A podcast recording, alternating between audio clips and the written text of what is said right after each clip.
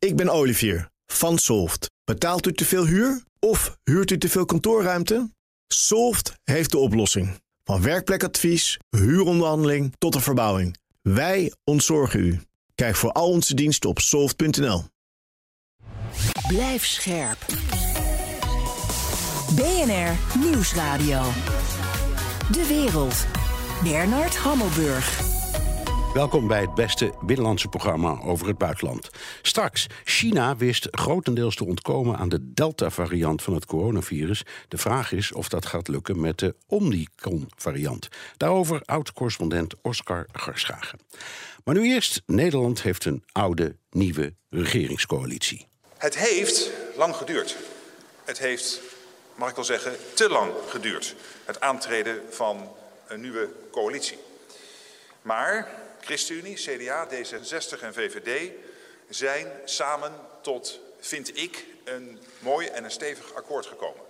En dat op het moment dat de buitengrens van Europa bij Oekraïne onder druk staat en Duitsland mogelijk van koers gaat veranderen in Europa. Ik praat erover met Han ten Broeke, directeur politieke zaken bij het Den Haag Centrum voor Strategische Studies en oud VVD-Kamerlid. Welkom, fijn dat je weer in de studio bent. Goedemiddag, Ja. goed te zijn, eh, Bernard. Ja, eh, en niet op afstand. Nee, Prettig, hè? Ja. mag nog, hè? Mag even. Doen we dat. Ja. ja. Eh, coalitieakkoord. eh, het kan niet anders dan dat we je even vragen wat je ervan vindt. En ik- zeg het omdat als je leest naar buitenland, kijk, zoekt naar buitenland, het is allemaal wel karig. Nou, kijk, het is natuurlijk een akkoord wat zijn uiterste best heeft gedaan om minder pagina's te bevatten dan de vorige. En dat hebben ze gedaan door heel veel bullets onder elkaar te zetten. Dat deden wij de vorige keer ook, want de vorige keer heb ik zelf nog mogen meewerken aan het, aan het regeerakkoord.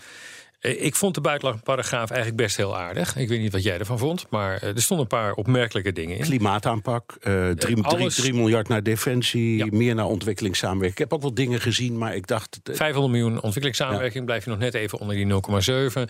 Eh, de 3 miljard voor ehm, defensie is 1 miljard te weinig, maar is wel hartstikke goed. En Ja. daar ben ik ontzettend tevreden mee. Ook complimenten aan mijn partij, die daar hard voor heeft eh, gevochten. Het was hard nodig. Achterstallig onderhoud is daar enorm. En ehm, ja, ik vind dat eh, een, een, een waardering die, eh, die, die ook uitgesproken moet worden richting de mensen van Defensie. ja.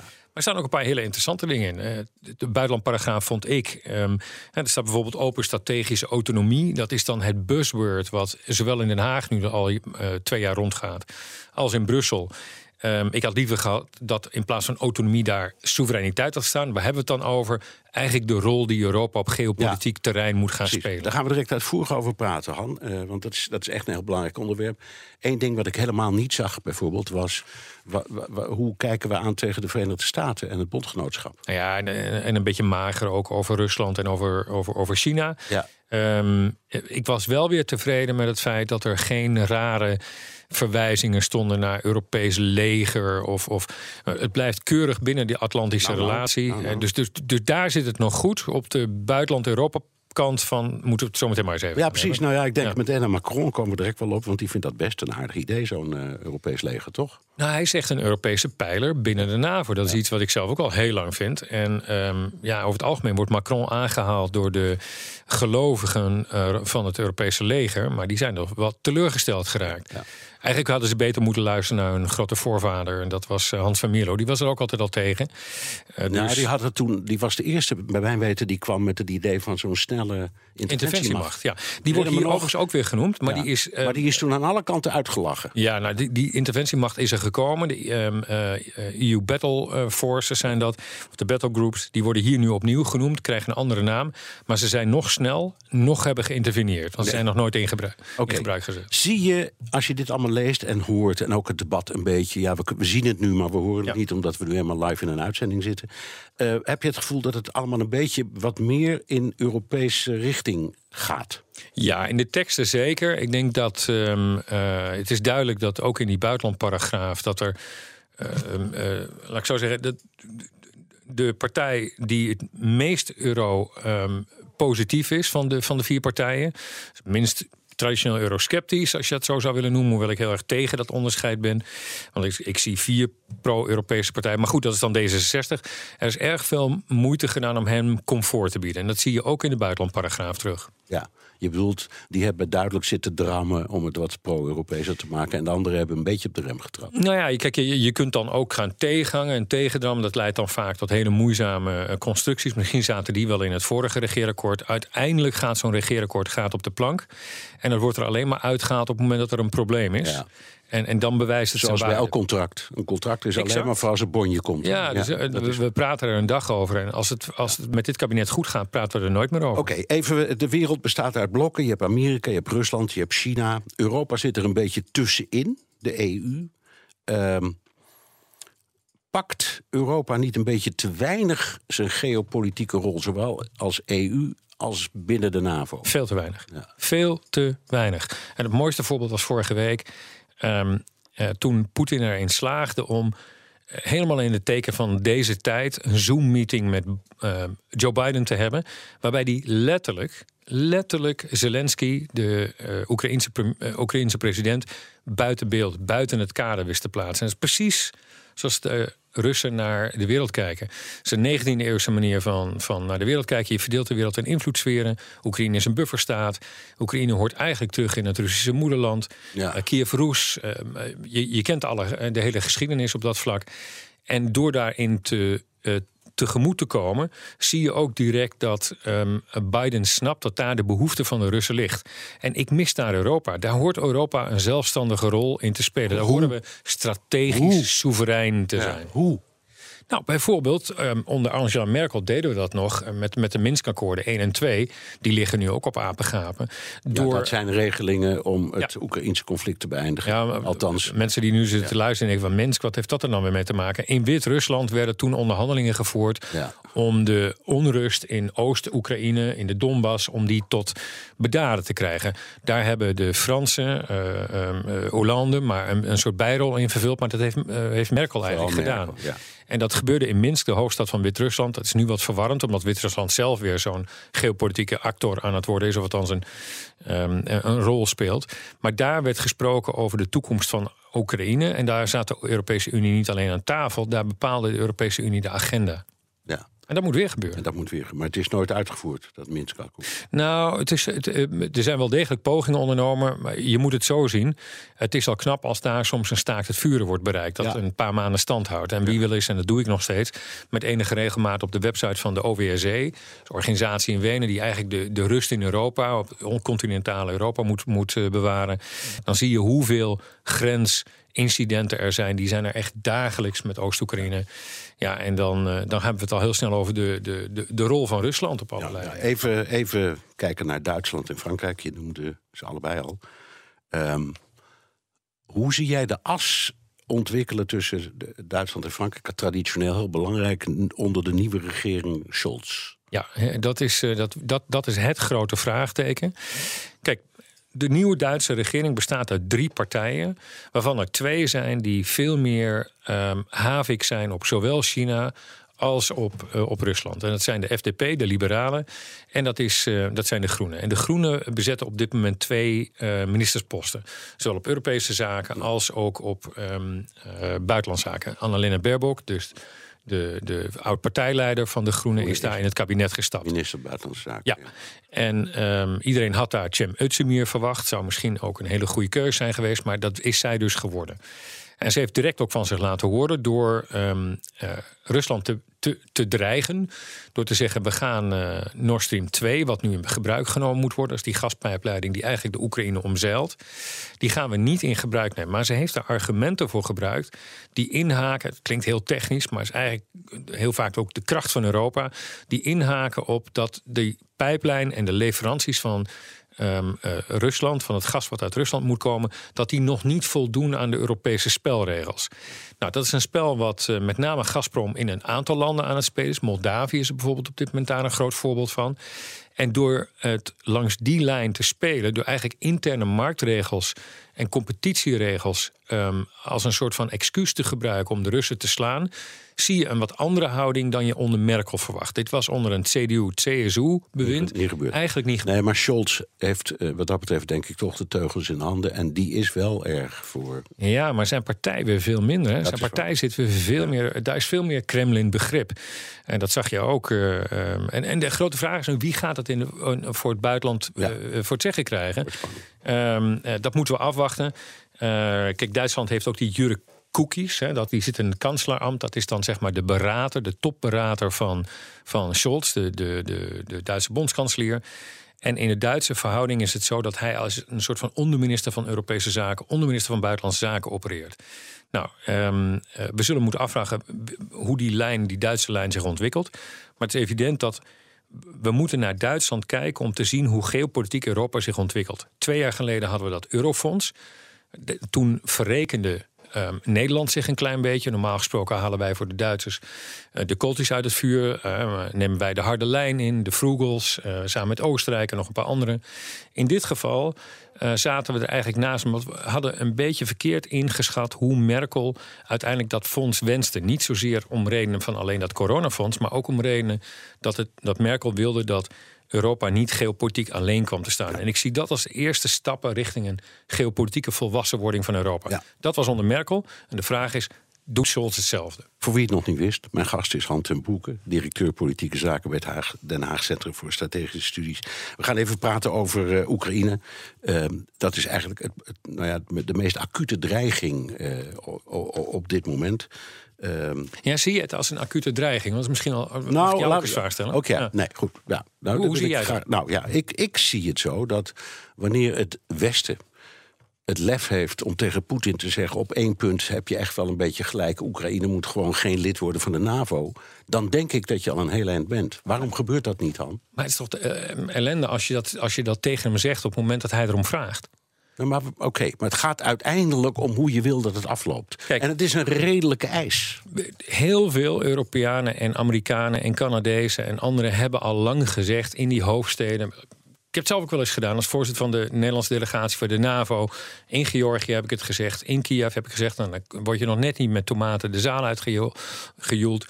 Eh, jullie worden geen lid van de NAVO. Maar we kunnen wel andere zaken doen met elkaar. Ehm, dus Oekraïne wordt geen lid van de NAVO. Kan Precies. ook niet, want volgens de verdragen van zowel de NAVO als de Europese Unie. Ja, maar dan zegt, dan zegt. Stoltenberg, die zegt ja, dat maakt de NAVO zelf uit. Exact. En, dat, denk ik, ja, dat is nou net het verkeerde zinnetje op het verkeerde moment. Nou ja, kijk, als je dat zinnetje niet op dat moment uitspreekt, dan ga je precies doen wat Poetin wil. Dan ondergraaf je je eigen principes. Dan ga je namelijk eigenlijk een achterdeur openzetten. Van ja, wij zijn wel van de liberale wereldorde, maar als het erop aankomt, zijn we er even niet Nee, maar van. dat klopt, want Biden zegt ook... als er een aanval komt in Oekraïne, komen er geen Amerikaanse troepen. Dus dat zegt hij sowieso al. Kijk, die, de- Biden heeft nu een klein ehm, eh, staat van dienst eh, al opgebouwd in zijn korte eh, presidentschap, waarbij hij zogenaamd veiligheidsgaranties afgeeft. Denk ook even aan Taiwan. Waarvan ik me afvraag wat die uiteindelijk waard zullen blijken te zijn op het moment dat het niet verder gaat dan economische of financiële sancties. Ja. Ehm, eh, dus, dus wat ik veel interessanter vind, ook voor dit gesprek, is kijken wat, wat doet Europa nou? Waarom laat Europa daar nou niks zien? We hebben het over SWIFT. Hè. We kunnen ze uit het bankensysteem gooien. Nou, daar hebben de Russen ondertussen al een alternatief voor ontwikkeld. Alternatief is waarschijnlijk niet goed genoeg om veel economische schade, financiële economische schade voor hun bedrijven te kunnen vermijden. Maar het is wel, het is een mogelijkheid die we hebben. Eh, we hebben de mogelijkheid om uiteindelijk over te gaan tot wapenleveranties aan Oekraïne. Eh, deze week, of vorige week was het geloof ik in de NAVO-raad, is dat tegengehouden door Duitsland en, En Nederland, begrepen, ook Nederland. Ja. Ehm, en misschien op dit moment nog verstandig. Maar wat ik zou wensen is dat Europa veel helderder zou zijn over niet alleen het type sancties wat het wil afvaardigen. Maar het lijkt alsof wij telkens bij elke internationale crisis, pas op het moment dat die crisis zich manifesteert, gaan we nadenken over de sancties. ja. Terwijl ze zich altijd langs dezelfde lijnen ontwikkelen. Laten we daar die escalatieladder nou eens voor voorbereiden en laat die ook bekend zijn. Ja. De- de- je tegenstanders, je geopolitieke tegenstanders, moeten weten hoe jij kunt escaleren om te kunnen deescaleren. Dat We hebben klinkt als een, als in, een, in de een- studio inmiddels ook eh, eh, onze Europa-verslaggever Geert-Jan Haan.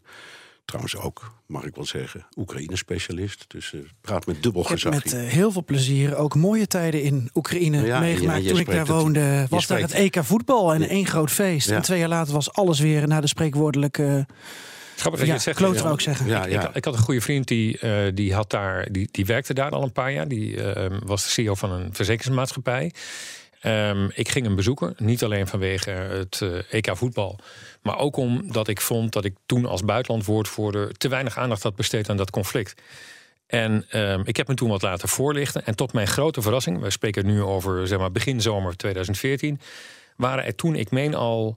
Ehm, eh, 1500 mensen over, ehm, omgekomen bij dat conflict. En dat was nog in geen we- enkel we nieuwsbericht. wisten er in nog het niks van. We wisten niks van. Het was niet in Geert-Jan, het Geert-Jan, eh, je bent maker van de Europa-podcast, maar ook van de Perestroikast. Eh, dus we gaan met jou even kijken naar... eh, Met het hand en broek in het voorprogramma. Wat een Zo, eer. zo is dat. Hand en broek in het voetbal. Ja. Het stikt van de toppen waarin Rusland centraal staat. Ja. En ik denk dat ik ook wel uiteindelijk eh, kan toewerken naar ehm, het punt dat meneer Ten Broeke maakt. Namelijk waar Europa, eh, hoe Europa zich zou kunnen gaan manifesteren vandaag en morgen. Want dat is heel interessant. We hebben natuurlijk eh, Oekraïne als hoofdgesprek op de G7. Op de Eurotop van vandaag en morgen. En die Eurotop is dan weer voorafgegaan door een Eastern Partnership Summit. Een top tussen de EU en landen aan onze oostgrens. Denk aan een aantal voormalige Sovjetstaten zoals Oekraïne. Landen met conflicten waar Rusland een groot aandeel in heeft. En al die overleggen verlopen tot nu toe niet top, maar leveren wel veel voer voor discussie op. Ja. Grote statements. Ehm, Verschillende statements. Ja, ja, vertel. Ja, ehm, eh, ik heb even wat kleinere landen erbij gepakt. Want de grote landen houden zich nog op de vlakte. Macron heeft helemaal niks gezegd vandaag. En dat is voor iemand die graag praat toch wel eh sumier. Eh Betel van Luxemburg zegt... ehm, de EU moet nou zelf eens met Rusland gaan praten. Eh Betel is een liberaal, hè? Ja, ben ik voor. Uh, Martin van Ierland zegt als één blok achter Oekraïne staan, laat het erbij. Sanna Marien van Finland zegt, we moeten het energiebeleid loszien van wat Rusland nu doet. Dus Nord Stream 2, dat lot moeten we hier niet aan verbinden. Dat is weer een heel ander statement natuurlijk. Litouwse collega die zegt de gevaarlijkste situatie in 30 jaar tijd. Dat is typisch Litouws natuurlijk om te zeggen. En Olaf Scholz wil alles eraan doen om Oekraïne te beschermen, maar wil ook deescaleren, dus geen troepenopbouw in Oekraïne zien. Nee. En wat, wat zegt de EU nou als EU? Want dit zijn allemaal EU-leden. Maar wat zegt de EU potpourri. zelf eigenlijk? Nou, we wachten nog op statements eh, eh, vandaag en morgen. Maar gisteravond zijn er ook al wat statements gedaan door eh, Ursula von der Leyen en eh, Charles Michel. En dat was heel interessant, want op die eh, Eastern Partnership eh, Summit, en ik weet dat meneer Ten Broeke dat ook eh, gevolgd heeft, daar heeft Zelensky van Oekraïne toch wel een beetje weer een, een, een, een rol gekregen en zichzelf in een spotlight gezet. Door te zeggen: we moeten preventieve sancties hebben tegen Rusland.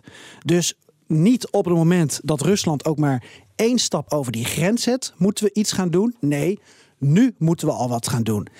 En nu komt Ursula von der Leyen en komen Europese leiders in de positie. Eh, dat ze moeten gaan kijken van, hey, gaan we de kant van Biden op, dus de-escalatie, of gaan we eh, de kant op van tanden laten zien? Ja, preventieve sancties, dat is nogal wat, want wat voor middel heb je dan op het moment dat die grens Nou ja, wel wordt eentje, overgegaan? eentje, die, eentje die Biden heeft genoemd, of wat in de kringen van Biden, is wat ze dan heel cynisch noemen de nucleaire optie.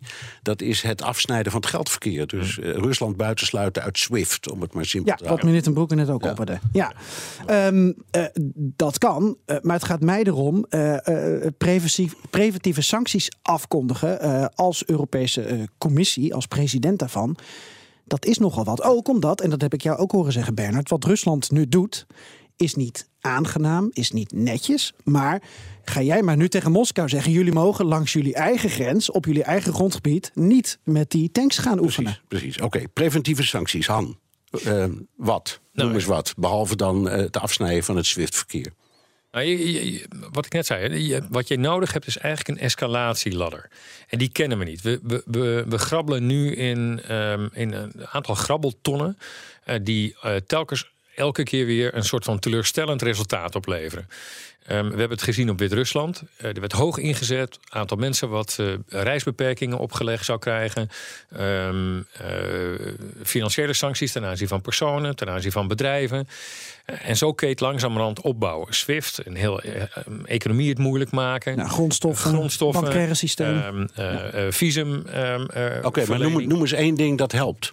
Of dat zou werken. Dat is de sancties helpen als zodanig nooit als ze niet onderdeel zijn van een beleid. Sancties zijn een extreem bot wapen. Ja. Maar je moet dat botte wapen moet je gaan veilen. En dat doet de Europese Unie nog te weinig in mijn ogen.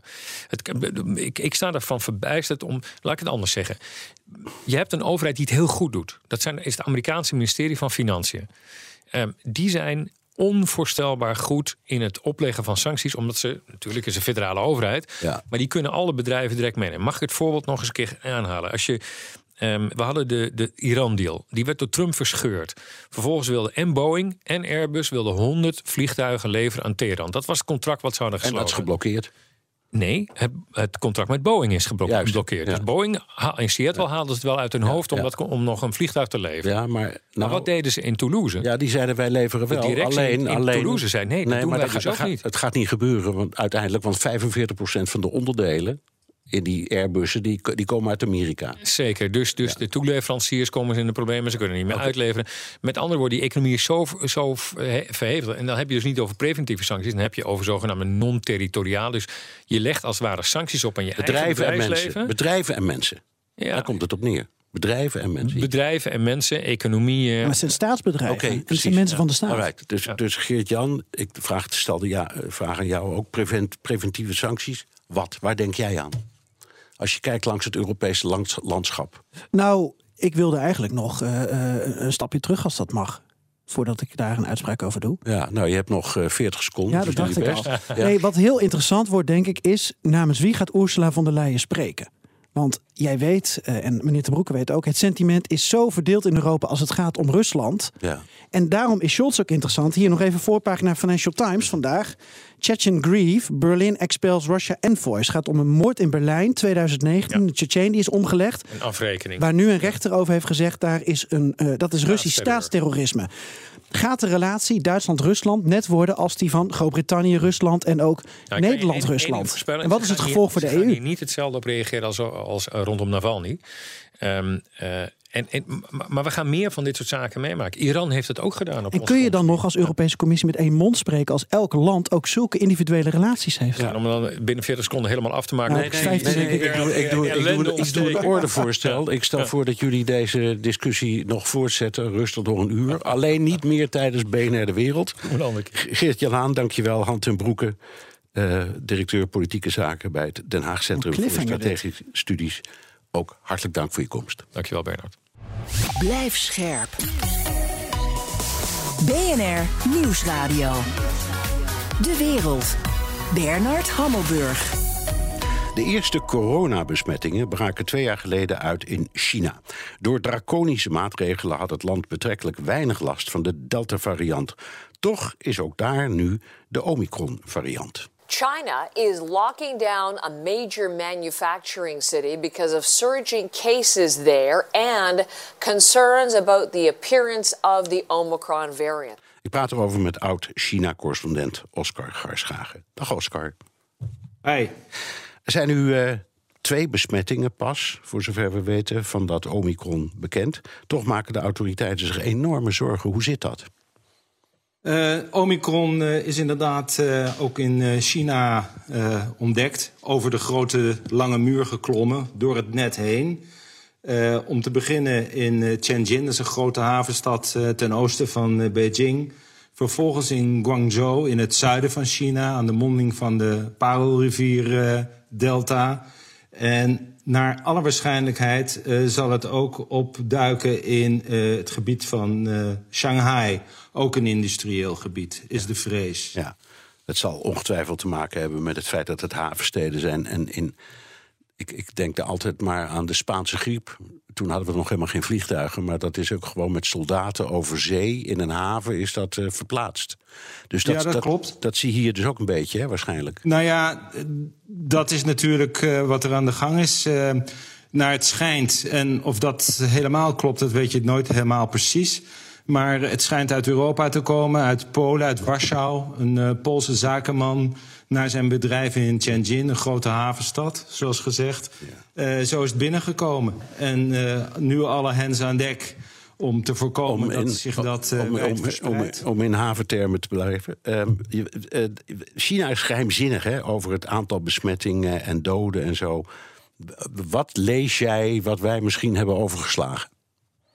Nou, ik heb dat vandaag ook nog gecheckt in China zelf, onder andere bij collega's.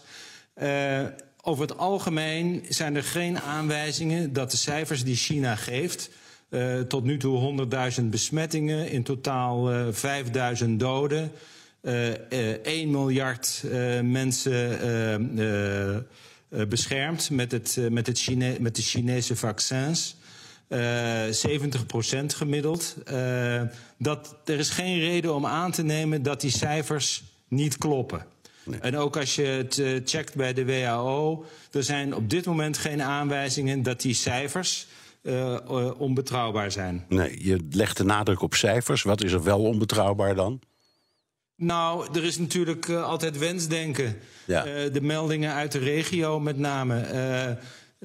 het virus Alpha, Delta en Omicron is opgedoken in 19 van de, van de 31 provincies. En we hebben natuurlijk niet helemaal zicht op wat er precies op het Chinese platteland uh, gebeurt. Nee. Er zijn daar een, enkel, een paar uh, grote steden, 10 miljoen mensen meer. En daar komen op het ogenblik ook weinig buitenlandse journalisten. Uh, het reizen voor buitenlandse correspondenten is op dit moment ingewikkeld. Dus dat is altijd een slag om de arm als het om cijfers gaat. Ja, het is inderdaad een heel groot land met veel regio's en ook een regionale aanpak. Wat, wat voor verschillen zie je nou als je daarnaar kijkt? Het, het algemene beeld is, uh, zo vertelde vanochtend nog een Chinese uh, vriend van mij, die ook veel rondreist, zakenman, uh, dat de grote steden aan de oostkust, dus ook de havensteden, ook Shanghai, ook Beijing, de regels tamelijk strak worden nageleefd. Uh, uh, maar dat in het westen, met uh, Chongqing, Chengdu, ook enorme steden en gebieden met veel, veel mensen, dat daar de situatie misschien wel wat anders is. De grote moderne steden beschikken over goede ziekenhuizen, goede voorraden, vaccins, et cetera, et cetera. en in de regio's, met name ook op het platteland, is dat in mindere mate het geval. En als het ware wordt er een soort scheiding tussen als het, ware het, het, oosten van China en het westen van China in kaart gebracht. Ja, en even iets dat intrigeert ons natuurlijk allemaal, omdat die discussies mondiaal, mensen die dat vaccin niet willen, om wat voor reden dan ook. Um, hoe speelt dat in China? Wordt, wordt bijvoorbeeld bezwaar gerespecteerd of ga je gewoon voor de bijl? Uh, nou, er zijn natuurlijk allemaal ja, voor de bijl, dat is een groot woord. Ja. Uh, de druk erover, de dwang, uh, de drang is natuurlijk groot. Getuige het feit dat uh, 1 miljard van de 1,4 miljard Chinezen zijn, zijn geïnjecteerd. onder jongeren tot 25 jaar is het percentage zelfs 90 procent. Onder ouderen is dat wat lager, 70 procent. Uh, onder senioren soms nog wat lager. En dat heeft ook te maken met, uh, met de beschikbaarheid van vaccins. En, uh, en de grootte van het land. En dat er drang is, dat is duidelijk. Ja. Um, we hadden het over regio's.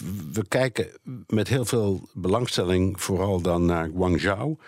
Um, dat, dat is ook eigenlijk altijd een soort knooppunt met de rest van de wereld hè, in alle mogelijke opzichten. waarom um, wordt die regio nou juist zo ernstig getroffen? Uh, Guangzhou is het, uh, het voormalige, vroegere keizerlijke kanton. Uh, ja, dat ligt dus eigenlijk, ik zal maar zeggen, vlak tegen Hongkong aan. Het ligt vlak tegen Hongkong aan. De grens met uh, Guangzhou en Hongkong uh, blijft ook voorlopig dicht. hoorden we vandaag van Carrie Lam, de, de gouverneur van, Hongkong. Van Hongkong. Uh, Guangzhou, dat is de, de machinefabriek van de wereld. Dat is natuurlijk het hele uh, gebied rondom Shanghai ook. Maar Guangzhou is de maakindustrie. De grote, de grote techbedrijven zitten daar. Uh, de grote ondernemingen die de laptops, de computers, de telefoons maken, de machinerie maken. Ook de auto's en de, de, de toekomstige auto's, voor de elektrische auto's. Dat zit allemaal in dat gebied. Dus de, de, de, de, uh, de waarschuwingslampen die zijn aangegaan vandaag in, in dat, uh, dat deel van China. Guangdong is bovendien grenst aan, uh, aan Laos, aan Vietnam. Die grenzen zijn natuurlijk moeilijker dicht te houden. Dus het is daar alle hens. Ja. Kun, je, kun je zeggen dat als ergens made, made in China op staat... dat het waarschijnlijk uit Guangzhou komt? Nou, dat is, dat, dat is dat voor een deel wel, absoluut. Uh, alhoewel dat natuurlijk net als met alle uh, producten in de wereld ook over China verspreid is. Eh, het kan uit Shanghai komen, het kan uit Suzhou komen, het kan uit het, het, het, Chongqing en Chengdu komen, het kan geassembleerd worden in, dan weer in Guangzhou. Dat het om een vitaal gebied voor de wereldeconomie gaat, dat staat vast. Ja. de Chine we kennen de Chinezen van een rigoureuze aanpak. Als het virus ergens opduikt, dan hebben ze de neiging om een hele stad of een dorp of een wijk in quarantaine uh, te zetten. Hoe is dat nu in Guangzhou? Dat is, uh, dat is ongeveer overal hetzelfde. Als je, uh, als je van Amsterdam naar Guangzhou vliegt, dan, dan A, je komt het vliegtuig niet in zonder tweemaal getest te zijn. Als je aankomt, dan ga je 15 dagen in een hotel in quarantaine. En daarna moet je vertellen waar je naartoe gaat. en je moet jezelf goed in de gaten houden. En het kan heel goed zijn dat uh, de wijk waar je bent, het, het, districtsbestuur, het wijkbestuur van je vraagt om opnieuw testen te doen en zo nodig opnieuw in quarantaine te gaan. Ja, je moet veel tijd hebben als je naar China wil reizen op het ogenblik. Ja, dat dus, is, ja. het kost gros, grofweg dik drie weken. Stel dat je morgen vanuit Amsterdam gaat, dan ben je pas over drie weken vrij om in China te gaan en te staan waar je wil. Ja. En dan loop je nog de kans dat als je Bijvoorbeeld uh, zoals die vriend van mij eh, in Baoshan, in het noorden van Shanghai. Uh, dan nog in zeven dagen drie keer getest moet worden. Ja. Virologen die, die zeggen, dat is ook vanuit hun perspectief begrijpelijk... het beste wat je kunt doen met een pandemie is gewoon alles op slot. Want dan heb je, ben je redelijk snel van dat virus af. Of althans, het kan nergens meer heen. nou zijn jij en ik geen virologen... En, en, toch vraag ik het je, omdat ze in China heel dicht daarbij zitten. Werkt dat ook? Want je hoort steeds verhalen van mensen die in quarantaine gaan... en dan gaat de deur dicht en dan wordt de sleutel van buiten weggegooid. Helpt het? Nou ja, als je, naar als je die cijfers die, die, uh, die Chinese gezondheidszorgcommissie uh, gisteren ook weer publiceerde... Serieus neemt en er is geen reden om dat niet te doen... ja, dan werkt het inderdaad wel. Ja. Goed voorbeeld, recentelijk in Shanghai heb je een groot uh, Disneypark. Er was één, één besmetting geconstateerd. En meteen 30.000 mensen die, uh, die moesten wachten voordat zij het park weer mochten verlaten. Want ze moesten wel getest worden. Ja. En met die, met die hele strikte uh, maatregelen houden ze tot nu toe de zaak beter onder controle dan bijvoorbeeld in de Verenigde Staten. Ja. En maar, het is, het is natuurlijk ook. De Chinese media gisteren de 800.000ste doden werd betreurd. Ja, dat klopt. Uh, maar je kunt ook zeggen: Amerika is nog steeds op het randje misschien. Maar het is een liberale democratie, net zoals de meeste landen in bijvoorbeeld West-Europa. En in China, nou ja. in China is het natuurlijk allemaal makkelijker om dat soort dingen te doen. Gewoon omdat het een, een ja, het is een dictatoriaal regime. Ja, dat is, uh, dat is een feit. Ja. En dat is, dat is een feit. En dat is tegelijkertijd ook een ja, het is een vorm van bescherming die de, die de, de doorsnee Chinezen ook verwachten van de overheid. Als je de discussies op uh, Chinese Twitter, Weibo, uh, volgt... mensen die voor een wat, wat ruimer beleid pleiten... die worden, die worden verbaal afgemaakt... Een, in een zuidwestelijke stad pleitte een, een, plaatselijke politicus ook voor een wat, wat relaxter beleid. Nou, die, eh, die, eh, die kan, zijn, eh, kan wachten op zijn ontslag. Ja. Dus die, die, strikte, die strikte aanpak, die wordt breed gesteund. Ja. Dit is BNN De Wereld. Mijn gast is Oscar Garschagen, voormalig correspondent in China. Even over de economie, Oscar. We hadden het al over Guangzhou, een van de belangrijkste ehm, uh, economische motoren in het land. In hoeverre zijn de groeicijfers in China bijgesteld of beïnvloed door dit alles? Nou, uh, de, eerder dit jaar, tot en met, uh, tot en met juli, uh, groeide de economie met, met ongeveer 8 procent. En deze week werd bekend dat die cijfers naar beneden zijn bijgesteld, amper 5 procent. Dus dat er sprake is van een dat zeggen, minder meer groei, is, is duidelijk. Ja. Mensen reizen minder, mensen consumeren minder, mensen kopen minder huizen. de salarissen, de lonen, loonsverhogingen blijven uit. Ja. Er zijn door, door dat hele strikte lockdown, regionale lockdown-beleid. en ook vaak onverwachts. Dat heeft zeker economische consequenties. En ook voor ons, want je hebt een, een, een, een, een keten waar wij deel van uitmaken. Dus het, ra het raakt ons ook. In hoeverre Ja, raakt in, in, een, in een andere grote havenstad, uh, Ningbo, uh, onder Shanghai, de derde containerhaven ter wereld. Uh, zijn duidelijk, daardoor ook duidelijk vertragingen. Ja. in de, ook tekorten aan containers, fabriekssluitingen. Kortom, ook China bij dat strikte beleid betaalt China zeker een prijs. En vergeet daarbij ook niet de, de, de, de, interne toeristensector. Ja. Uh, men reist veel, men gaat even niet meer massaal naar het buitenland. Nee. Giethoorn of zo. En, en ook niet naar de verboden stad. Dus dat, ja. Gewoon voorbij. Ik noem maar, ja. Oké, okay. hoe, hoe, beïnvloedt dit president Xi? Want ja, dat is, die, die heeft zichzelf de eeuwige leider gemaakt. Vindt het volk dat ook eigenlijk? Nou, zoals je weet, geen opiniepeiling in China, ook geen verkiezingen. Maar algemeen wordt aangenomen dat uh, de, het succes van het Chinese uh, nul coronabeleid, zero COVID strategy, wel gewaardeerd wordt. Dus goed op hem afstraalt. Ja. Als het anders was gegaan dan. als het net zo was gegaan als in West-Europa en in Amerika dan waren de rapen uh, zeer gaar geweest. Ja. Je moet natuurlijk wel begrijpen dat de doorsnee Chinees geen goede gezondheidszorgverzekering heeft. Geen goede pensioenregeling en ook geen, geen sociale zekerheid. Dus vanuit, dat op, vanuit die optiek is het begrijpelijk dat men verwacht dat de overheid van alles doet om zo'n zo'n uh, viraal gevaar, zo'n virusgevaar, uh, in ja, te dammen. Ik snap het. En, en, en dus heeft hij het vertrouwen van het volk in afval op dit punt. Even nog één vraagje over die Olympische Spelen en die, uh, wat dan heet, politieke boycott van Amerika, Australië, het Verenigd Koninkrijk en zo. Vanwege het, het gedrag tegenover Oeigoeren en de verdwijning van dissidenten en zo. Um, raakt dat de Chinees?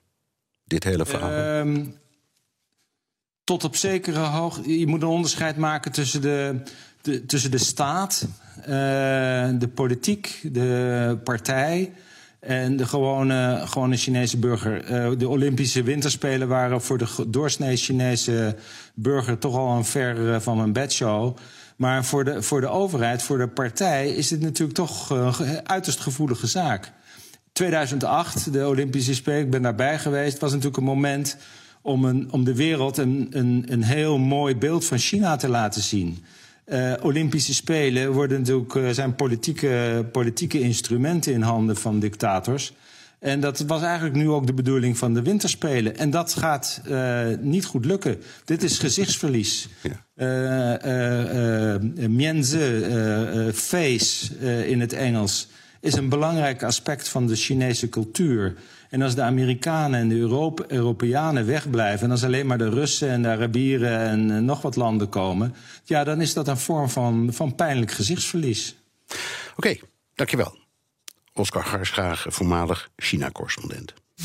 Postma in Amerika. Tijd voor het Amerikaanse nieuws door de ogen van onze correspondent in Washington, Jan Postma. Jan, we beginnen met de sms'jes die heel Washington bezighouden. Sms'jes van Fox-presentatoren aan Trumps stafchef op 6 januari. En daaruit blijkt dat ze achter de schermen heel anders dachten over die bestorming van het Capitool dan ze op de televisie vertelden. Ja, de 6 januari-commissie die deelde die sms'jes. Uh, Republikeins congreslid uh, Liz Cheney die las ze voor. En dat zijn echt sms'jes van Fox-sterren. Uh, Laura Ingram, Sean Hannity, Brian Kilmeade... En, en ook trouwens van Donald Trump Jr., de zoon van. en wij kennen Fox natuurlijk als een behoorlijke pro-Trump-zender. En de, de, presentatoren die bagatelliseren die bestorming eigenlijk vooral on-air. Maar achter de schermen stuurden ze dus sms'jes... waarin ze Mark Meadows, Trumps stafchef, vroegen... zorg dat Trump dit laat stoppen. Nou, je hoort eerst Liz Cheney die de sms voorleest... en daarna wat Ingram zei op 6 januari op Fox. The president needs to tell people in the capital to go home. This is hurting all of us. He is destroying his legacy. Laura Ingram wrote. The capital was under siege by people who can only be described as antithetical to the MAGA movement. Now, there were likely not all Trump supporters, and there are some reports that Antifa sympathizers may have been sprinkled throughout the crowd. Ja, on-air zegt ze dus, ja, het zijn eigenlijk geen Trump-supporters. Nou, we weten dat dat niet uh, waar is. Of er zegt ze, uh, ja, Trump, zorg dat je jouw supporters naar huis uh, la laat gaan. En we weten dat de banden natuurlijk tussen Fox en, en de Trump-regering heel nauw waren. Sean Hannity die ging alles met Trump op campagne. Maar dat ze allemaal met de stafchef sms'en en hem ook adviseren. Dat, ja, dat nieuws, dat kan wel uit Fox News. helemaal ook nu die enige serieuze journalist, Chris Wallace, daar opstapt. Ja. Dus het, ja, het is vooral de ja, Trump-zender. Die, die, gaat naar CNN. Hè. Maakt dit nieuws nou indruk op de Fox-kijker?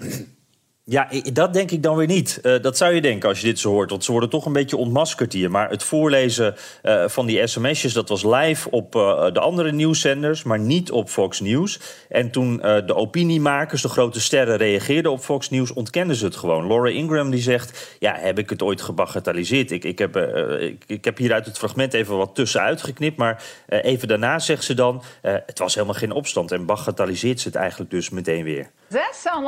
I was downplaying it to you, but it was not an insurrection. To say anything different is beyond dishonest and it ignores the facts of that day. Ja, en Tucker Carlson die verdedigt zijn collega's. Die zegt, ja, die sms'jes verschillen eigenlijk helemaal niet van wat er op tv is gezegd. These are principled people. What they say in public is not that far from what they say over text message. If you get a text from Brian Kilmeade, it sounds pretty much identical to Brian Kilmeade on Fox and Friends. These are not phonies. We can personally confirm that. Whether you like them or not, they're real. Ja, ze, ze zijn echt, maar ze zeiden toch echt per sms wat anders dan ze op tv zeiden. Het wordt echt belachelijk gemaakt. Uh, Fox zet het uh, onderzoek neer als een heksenjacht, de echte Trump-tactiek. En ze zeggen, zie je wel, dit was niet georganiseerd. Anders had Donald Jr. ook niet ge-sms dat Trump er iets aan moest doen. Dus uh, dat wordt helemaal de andere kant op gedraaid. En ik denk als Fox-kijker denk je dus van, het stelt en niet zoveel voor... en het betekent heel wat anders dan wat de rest van Amerika ervan vindt. Ja. Jan, een krant uit Delaware krijgt extra advertentieinkomsten dankzij een heel belangrijke lezer. Ja, ik, ik denk dat je hem al een beetje aanvoelt uh, komen, Bernard, wie die lezer is. Hij woont in een wit huis. Ja. ik zal eerst eens even teruggaan naar, naar een paar voorbeeldjes uit het uh, verleden. Uh, daar hebben we het ook wel eens over gehad. Obama die keek heel veel basketbal. Dus kochten lobbyclubs spotjes in op sportzender ESPN in de regio Washington. Nou, Trump, daar weten van, die keek altijd naar Fox News. Naar de ochtendshow Fox and Friends. Dus uh, zowel rechts als links kocht daar spotjes. Uh, ook zodat ze wisten dat Trump het zag. Nou, Biden is van het oude stempel, die leest kranten. En uh, uh, daar zit ook nog steeds de News Journal tussen. Dat is een 100 jaar oude krant uit Biden's thuisstaat, Delaware. En in die krant zijn de afgelopen maanden voor, voor echt tienduizenden dollars aan advertenties gekocht. dat zijn ze niet gewend daar. Puerto Ricanen die van Puerto Rico een staat willen maken. Natuurorganisaties, een bedrijf dat wilde dat Biden een andere kandidaat voor de FDA zou kiezen. Een belangrijk overheidsorgaan, deed hij niet trouwens. En ook een. Bijvoorbeeld een groep voor ongeruste wetenschappers die van kernwapens af willen. Nou ja, allemaal omdat ze weten, de president leest deze krant, deze krant uit zijn thuisstaat. En als je nou echt je best doet, als je echt alles uit de kast wil uh, trekken, dan doe je ook wat met Delaware zelf in die advertentie. Een oliemaatschappij die zet een medewerker uit Delaware in, in hun advertentie met als onderliggende boodschap, als u het ons moeilijk maakt, uh, als u op groene energie overstapt, president Biden, kost dat mensen in uw thuisstaat hun baan. Ja. Nou ja, dan moet je als president dan s ochtends bij een kopje koffie, dan pak je die krant erbij en dan lees je dat. Ja, in het suffertje, wat helemaal geen suffertje is in dit geval. Dankjewel. Nee, en lekker binnenloopt. Ja, Jan Posma, correspondent in Washington. Wilt u meer horen over dat fascinerende land? Luister dan naar de Amerika-podcast van Jan en mij. Tot zover BNR De Wereld. Terugluisteren kan via de site, de app, Spotify of Apple Podcast. Reageren kan via een mailtje naar dewereld.bnr.nl. Tot volgende week. De mensen van Aquacel houden van zacht. En dat merk je aan alles. Dankzij hen hebben we nu echt zacht water en een kalkvrij huis. Voor hun klanten zijn ze zacht. Dat zijn ze trouwens ook voor elkaar. Voor ons zijn zij de kracht van zacht. Aquacel. 100% zacht water, 100% kalkvrij.